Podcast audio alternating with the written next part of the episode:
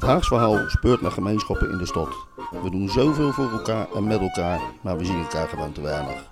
Daarom organiseert het Haags verhaal elke maand een verhalenavond om twee groepen samen te brengen. Twee groepen die wel iets gemeen hebben, maar elkaar anders nooit gekend hadden. Welkom op deze avond in januari, toen Haagse experts Haagse vluchtelingen ontmoeten. We are going to start with the. Um, as you heard, there was only one person in the room who identified as an expat, and that was a Dutch person, interestingly enough. Um, for us English speakers, it often has a negative connotation. Um, uh, why is that, Deborah, and what, what is an expat, in your opinion? So, an expat, expatriate, is actually, I prefer that word. Somebody who has consciously decided to leave the country that they're from to go and work in another country. Uh, 25 years ago, that would happen occasionally and people would go back. The world has changed so much and economies have changed so much that people are moving a lot more. Uh, people are moving for longer periods, people are going back. So, it becomes very confused what it is. Also, 25 years ago, expat was a small proportion of the population. Uh, and it was really people working for larger companies. There weren't that many global companies. Um, and so they tended to be extremely well paid, uh, had a lot of benefits to being an expat living outside of their countries of birth. Um, and so had an image developed around them. And we find, or at least I find, especially here in the Netherlands, that there is still this image of the expat with deep pockets, uh, lots of income, uh, working hard, yes, but also traveling well. And the thing is, it's changed so much. I mean, there's so much variety of students, of PhDers, people, countries you come from, how long you come from. Then you meet somebody, and then you leave somewhere else, and then you come back. So, So, what, what made you to agree to, the title of this evening's program, Expat Meets Refugee? Astrid convinced you. Astrid convinced because me. what We- would you have preferred as the title? we prefer to use at Access certainly where, where I work, and I myself prefer to consider myself a European international. But international is the term okay. that we so if we can all agree, prefer to use. international meets uh, refugee, and possibly the refugee is also an international in the end. Um, and maybe we're also looking at our backgrounds, actually immigrants, but uh, we won't go there right now. I, okay, Deborah's here because she's the director of Access. How many of you have heard of Access? Oh, So nice. few. Okay, one back there. Um, you've been the director for nine years. Almost nine years. Can you give us a very brief explanation of what Access does and how important it is for the international community? Sure. Uh, so I've been there, yes, in, in, in almost nine years, but uh, it started 35 years ago at the American School in Wassenaar, actually, um, within the American community, and it was basically set up as a organization which would look after two things. One, the people who were volunteering with the organization, so giving them a place to go, something to do, something to work on, to be of value. And while they were working together, as time passed and as the communities grew, they then were able to also su- uh, support and serve the international community uh, at a much broader level. So, what not do you just do at. Access then? So we basically nod a lot and we answer a lot of questions about. Uh, we get questions about everything. I mean, last year about 13,000 uh, individual questions answered either through our help desk or through the desks that we work at at the expat centers. Everything from how does the educational system work? I'm looking for a French-speaking hairdresser. Uh, how does the healthcare system work? I want to have a baby. My husband just passed away. What do I do? Can I stay? Do I need to go? And anything else in between. Okay. And these are all, all these questions are answered by volunteers? completely run by volunteers. Excuse me. Uh, about 10, small 10% of the organization are repats or people like who, like yourself. You said you've come back. Uh, so people who've repatriated, returned to their home country. Um, and so they still want to keep a connection with the international community, so they come back and volunteer with us. But they're all volunteers. Wonderful. What, what do we see here in this photo? So we get together uh, a few times uh, to either have a drink or a potluck, and this happens to be the drinks. Uh-huh. Okay, so these are all the volunteers with access. just- we have about 140, give or take a few. Uh, about 45 of those are either trainers or counselors, but about the rest of them are uh, working on the whole organization, from finance to recruitment to uh, communications. It's all done by volunteers, and that's our drinks. Okay. Um, and your relationship with The Hague, other than drink, going out for drinks in The Hague?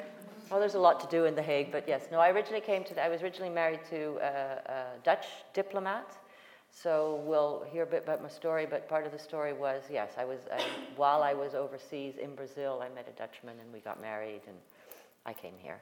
No, I meant Access's relationship with The Hague. Oh, but, no, uh, I thought you meant mine. No. Access's relationship with the, sorry about that.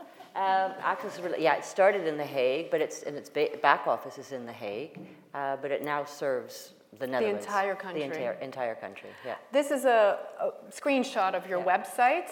Uh, why would people need to stop by a desk, a counter, or uh, phone when they can find everything on the website? Because sometimes there's always uh, the, the details in the, in the answer. It's not always straightforward. There's always, it depends where you're from, how long you've been here. Have you, uh, is your, for instance, if your driver's license depends what country you're from, what you do with it, and what tests you need to do. So that personal contact is still very relevant today. Yeah, so you can find a lot of the answers on the website under these uh, seven categories, but there's, if there's always another slight question, you can send an email to us. Okay. And we'll answer it. That was enough. Uh, Does somebody have a question about access? Anybody looking for volunteer work? Do you There's have some a question magazines at the about back as well. Oh, you were looking for volunteer work. Well, you can speak to to Deborah afterwards. okay, we're going to now move on to Deborah's story. These are Deborah's parents. Yeah. Tell me, your, your mother was originally from Jamaica. Yes, my mother immigrated from Jamaica to Canada in um, early, late 50s, early 60s. Um, normally, when I think of Jamaica, I think of a dark-skinned Yeah. person, but she's, She's white. very white, yes, Um, very. so uh, what was her ancestry? Her ancestry was predominantly British and uh, Portuguese. Uh huh. So, uh, but the Portuguese didn't really come out in her very much. but my grandfather is much darker. And your father uh, is, uh, Canadian. is Canadian, but his family had emigrated from Ireland to Canada. okay. So uh, that's a, that's a Jamaican Irish mix there. And how did they meet? I don't remember. Okay. But this is we didn't talk about that. no. This is their wedding in 1963 Yeah, yeah. in In Toronto. in Toronto. In Toronto, yeah. Okay. And very soon afterwards, they were sent to. We went to Germany after that. They went to Dusseldorf, right? Yeah, to And Dusseldorf. Where you were born. Where I was born, yeah. um, because he was with the. These, the, so this is, uh, so yeah, they were married and then uh, we went to Dusseldorf and What is you that? must give permission to connect. Oh. Oh, oh, oh, Whoops. oh. anyway, Oh. uh, we went to, uh, so I was born in Dusseldorf and this was going back to Jamaica with my, so my mother, my grandmother and my great grandmother. Um, okay, we'll just leave that. Okay, we'll just leave But, the uh, message. so this was in that period that I went, uh, Ah. we visited uh, Jamaica. And uh, your father was a diplomat with the Canadian, for- with the Canadian Foreign, Foreign Service. Yeah. Okay. You were born in 1964 in Düsseldorf, and you were the first grandchild in the family. Yeah. And you told a funny story how your grandparents ended up being called the names. Oma and Opa. So I, I, my grandmother was Oma, and when she became a, a great grandmother, she became Gigi, uh, great grandmother. Um, but I found out just last year or the year before uh, that my grandfather, who passed away several years ago, uh, is still referred to as Opa. So Opa, but with a Jamaican accent, which is a very strange experience to discover that, uh, that something that I had started in 1964 was still happening in Jamaica, of all places. And not everybody really knew what it was, but they all called him Opa Carlton. And that was from your time in Germany. And that was funny. this era, yeah. So you didn't stay for very long in Germany. You went uh, on the transatlantic, uh, on a transatlantic um, Boat. cruise boat Yeah. with a highly pregnant mother. Yeah. Your brother was born in Canada. And then you moved to Bogota, Colombia. Colombia, yeah. And so that the was- dress is Colombian, Yeah, right? It's a, a- a dress that was bought in Colombia. It comes back in this story. There's a lot of stuff that comes back in this story. Uh, but this, yes. So then we, we uh, after Germany, uh, we spent three years in Germany, and then we moved to Colombia, and we were there, I think, two or three years as well. I lose track of all the dates sometimes. I have to draw it out. And how old are you here in this photo, do you think? Uh, I, I think I'm about three, Okay. And was, four maybe. was Colombia a dangerous place back then? I don't remember it. I mean, I just went to local schools and things. I mean, there were some, I know in different eras, there, the, the, the dangerousness of the city, uh, you know, focused on different people. So right now, the people who have to look after and take precautions while they're working are people in the oil industry. So you'll find that uh, quite often people don't drive. They'll have a driver. Um, whereas when we were there in the 60s, some diplomats were the ones who had to be careful. But my father wasn't high enough, high up enough, and my mother and I just spoke Spanish. But did you live among the local population? We always did, yeah, yeah. Yeah. There were no compounds. and you spoke Spanish already as a I child? I learned Spanish as a child, yeah. I learned German as well, but don't speak to me in German because I've forgotten it. But the Spanish has, uh, has stuck because of other circumstances. And you mentioned to me that your mother felt um, a strong need to help the local community wherever she could. Yeah. Was this is, was this already true in Colombia? It was true in, in Germany. It was, it's just part of her character and part of her identity. Wherever you go, be curious, learn the language, and see how you can help. Those are the three lessons you get wherever we went. Same three. Be curious, learn the language, and see what you can do to help.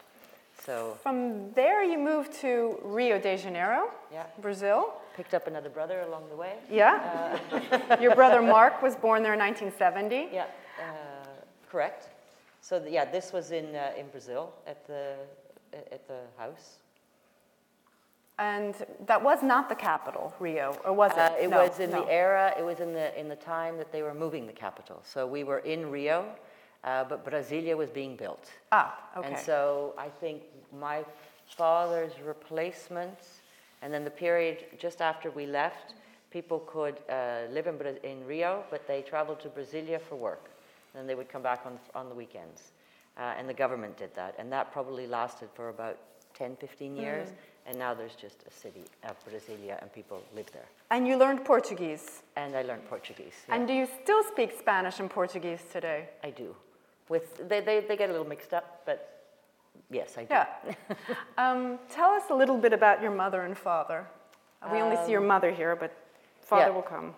Yeah, no. Um, so she grew up in, you know, in Jamaica, which was a very small island in the 50s, 40s. Uh, studied to become a teacher, so did manage to travel to the U.S. to get her teaching degree. Came back to Jamaica, worked there for a little while, and then uh, migrated to Canada. Uh, and I can't remember the story of how she met my father, but that was in that migration story. And my father, on the other hand, grew up on the western part of Canada in uh, Calgary, uh, one of four children. Uh, his mother died when, uh, before we, we were even in the picture, uh, quite young. His father died. I never met his parents. His father died when we were in Ger- Germany, Colombia. Good. Anyway. I actually meant their characters, but But, uh, but his character, I mean, his character was very much from his family, which is the four, uh, the four siblings, and he's very close to them. And whenever we moved back and forth, or whenever we were moving countries, he would see if there was an opportunity for us to spend time. And we're going to get back to that because to- you did something quite amazing what you pulled together. But anyway, Oh, right, this yeah, is you in the family then moved to Tehran. You To were about Tehran, uh, 11 then, you said Yeah. 10 or 11, yeah, 1975 in yeah. Tehran. And you spent a year at the British school. Spent a year at the British school. And yes. then your parents sent you to a boarding school in England correct. at the age of 11, Twelve. 12. 11, okay. 12, yeah. and you flew back and forth? Yeah. So I went Tehran to I went to boarding school. Uh, yeah, it was an educational choice. My mother looked at the schools in Iran and said, "Nope, this isn't for her. We wanted to have an education." I had read all these wonderful books by Enid Blyton, uh, and so I wanted to go to boarding school. Uh, and I thought, "You want to send me to boarding school? Okay."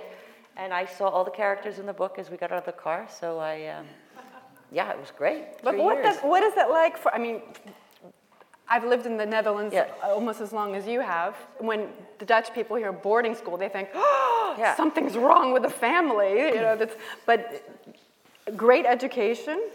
a great education. Most of the other people that I hung out with and other internationals who were at the school were also going to boarding school. So, you know, I wasn't pulled out of my element. I was thrown into it almost. This is, uh, okay, this was This is now Colombia. There's a gap in This there. was after boarding school. Yeah, Okay. yeah, yeah. yeah.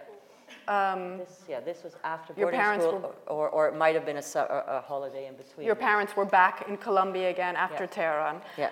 This was the photo I was looking for. Aw. Tell me, yeah, this was, I'm guessing you're about 16 or so here? I think so, yeah. Yeah? 15, 16, yeah. What were you like as a young adult? Um, what was I like as a young adult? Um,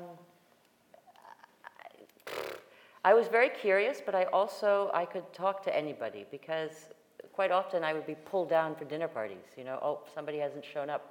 Put this dress on. You're coming down to have dinner. I think it's like nine o'clock at night. I have to go to school tomorrow. Too bad. Sit down and have dinner. What This was when they were them? in Colombia because you Uh, spent started a year. in Colombia, and Yeah. uh, yeah, but even when I was younger, but particularly in Colombia, so I could have a conversation with anybody. I can, I can still talk to anybody. I know what to ask, what to answer, how to look interested, how to be engaged. um, so I think I'm still that person. Yeah. I think. You told me that you were um, outgoing, Yeah. independent. Whenever we, I mean, I usually had friends over from school within two weeks of having arrived. I mean, I made friends very easily. Do you, are you still that same person today? Yes. You're looking at your daughter? I think so. I think she so. gives you a thumbs up. yeah. Okay. Still that person today. So uh, just to, you went to boarding school. You finished your I did uh, O levels. O levels. So at 16, uh, I left the boarding school. While I was at boarding school, my parents had gone to Dallas, uh, Texas. Um, and then they were leaving Dallas, and I decided to join them, and I did a year in Colombia Okay. again. And then I did a year in Colombia, and then after that, they stayed there, and I went back to Canada. Yeah, so I wanted to go back to this photo because this Yeah. was Colombia. Yeah. Um, what was your connection with Canada at the time or throughout your childhood? What was you were re- representing the country Yeah. after all. Yeah. So what, my, what I always found interesting was my mother always made us balance between um, being Canadian because we, especially as my father's career continued and he eventually became an ambassador, so of course he had more people coming over all the time. Um, so there had to be a representational aspect of, of ourselves. And so we had the Canadian part of our identity and, you know, uh, Christmas, uh, Catholic holidays as well, things that grew up. But we also had a very international background. We always, learning the language, be curious, what can you do to help? We're such strong em- parts of our background that we always managed the two at home. So we were learning the language to celebrate Canadian traditions. You know, I mean, we were just mixing them up oh, all the time. What are Canadian traditions? Yeah, what are Canadian traditions? I must admit, we're not as, you know, you and I, Canadian and, and, and American, there are a lot of things that are similar and a lot of things that are very different. And Canadians are very uh, shy, very pulled back. You know, we're not as outgoing as Americans, um, I think. I've never noticed the difference, really. Um, and so Canadian traditions, yeah, Thanksgiving, which is earlier than, than the American Thanksgiving, um, because we're further north, um, among other things. Um, yeah. Okay, I haven't thought about this one. Okay. Canadian traditions. Sorry. Oh, Christmas, you Christmas, mentioned. yeah, that's the Christmas. I mean, some sort are Canadian, or is it Canadian, or is it because of your Catholicism? You know, and the Easter and the different. But then we picked up the New Year's in Iran, which is the 21st of May, which is the beginning of spring. So that became a tradition as well. Um, it became part of what we do at home. Okay. and somehow Thanks. both. That's this one we've seen. This was uh, your year in Canada. Canada because what happened then? You spent I a year in Colombia. I did a year in Colombia, but I had to do a year at uh, uh, grade 13 years ago. There was one province in Canada that had an extra high school year, so I had to do an extra high school year before I could go to university.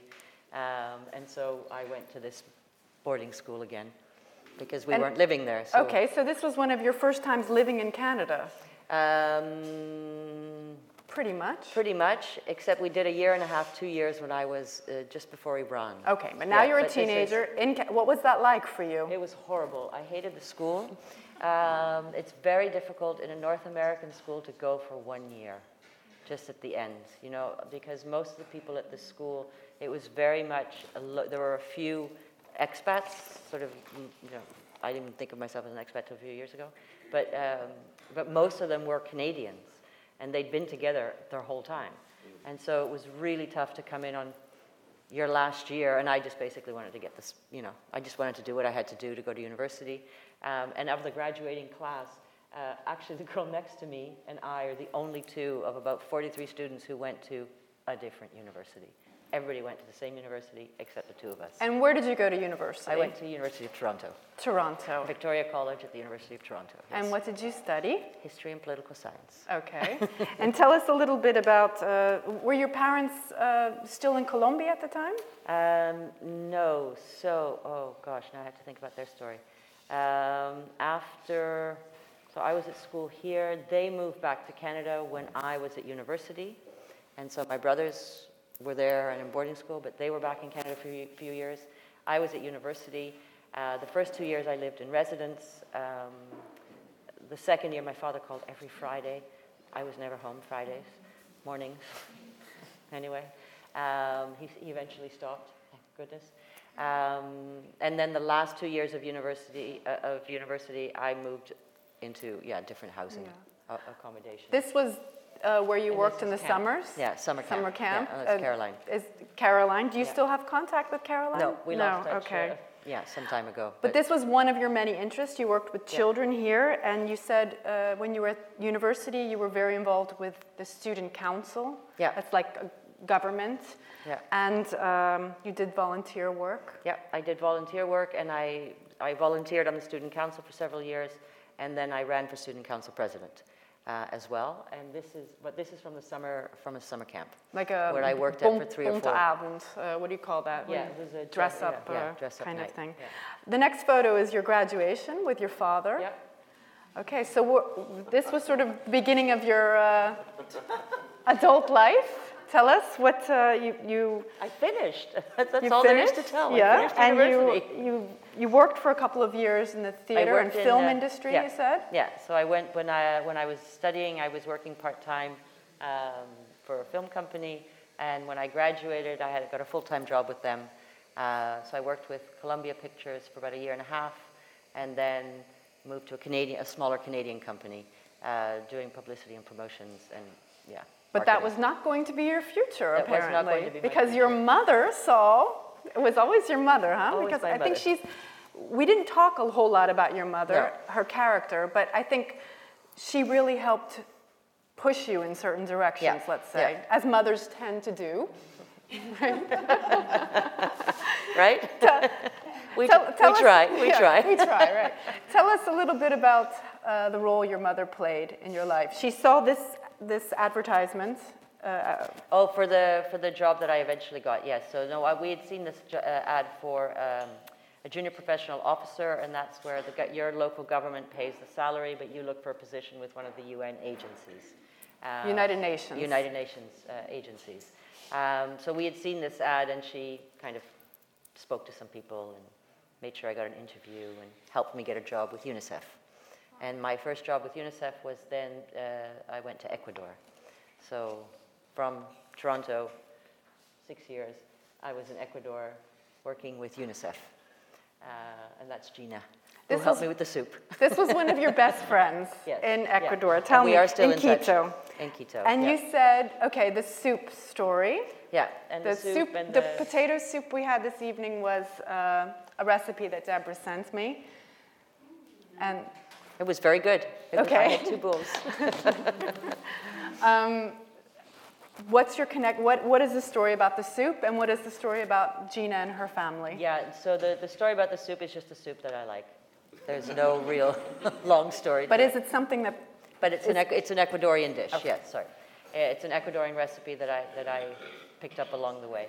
Um, yeah, and this was my first, so this is my first time abroad. So uh, I had been an expat with my father's career uh, as he moved across the world and obviously picked something up along the way. And so this was my first expatriate move uh, from Canada.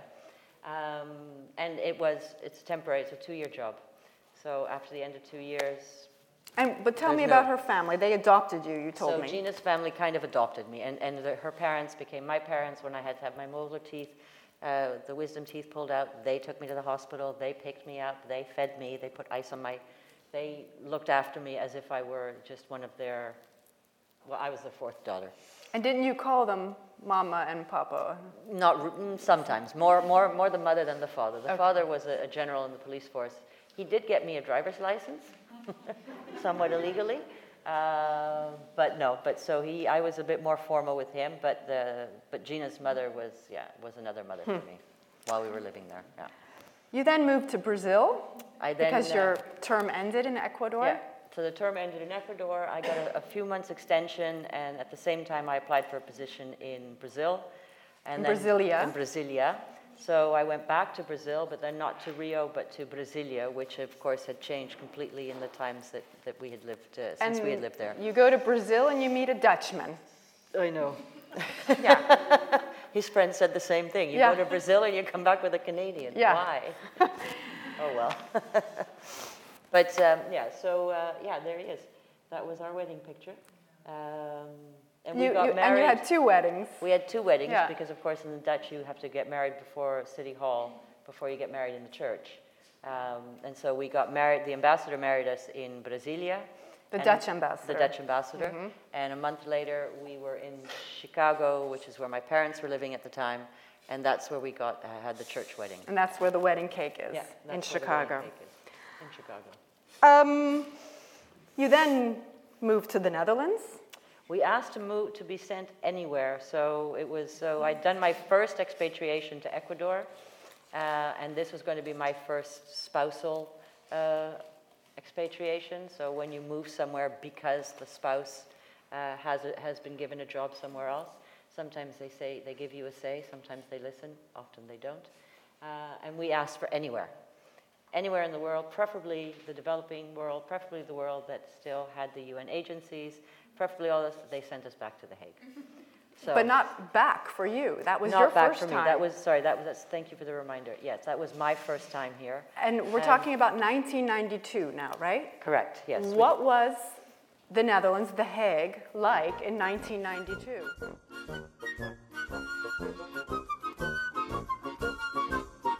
Dank u wel voor het luisteren. Wilt u een keer een verhalenavond bijwonen? Kijk op haarsverhaal.nl voor de volgende editie en schrijf u in voor de nieuwsbrief.